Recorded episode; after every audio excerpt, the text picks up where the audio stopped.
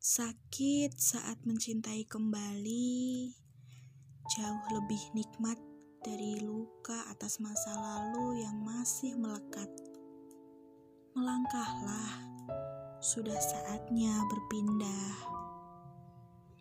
Bila benar hati adalah tempat tinggal terbaik bagi perasaan, mungkin kau tak akan menemuinya di dalam diriku. Ia telah hancur berserakan.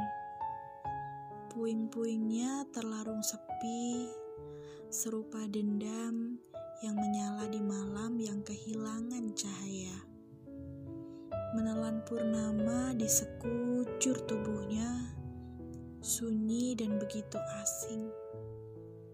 Tanpa raga, ia bergentayangan menuju pagi, menasbihkan lara, memanggil namamu dengan begitu parau, serak dan begitu basah. Hujan mengawetkan luka di antara kehilangannya, membuatku kehilangan gairah untuk jatuh cinta. Kedai-kedai kopi mengepulkan kegirangan. Harum seduhannya menyepuh mataku. Pahitnya perlahan menyatu dengan jiwaku.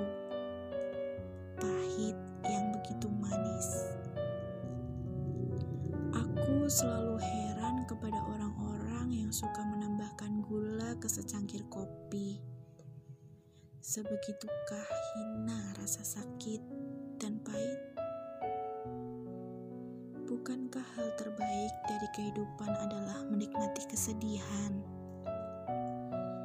Ah, mereka tak bisa menikmati lara, atau mungkin mereka perlu bertemu senyumanmu agar tahu arti manis yang sesungguhnya.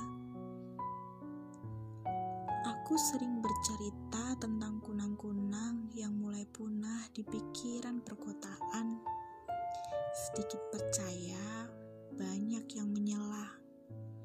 Padahal rindu mereka pun sama.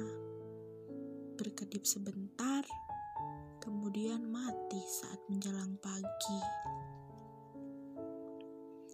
Aku pernah punya doa panjang untuk sesekali waktu Tuhan mau menghentikan malam agar cahaya menjadi hal yang membosankan supaya orang-orang lebih bisa menghargai sunyi dan akhirnya bertemu untuk sekedar melakukan perpisahan.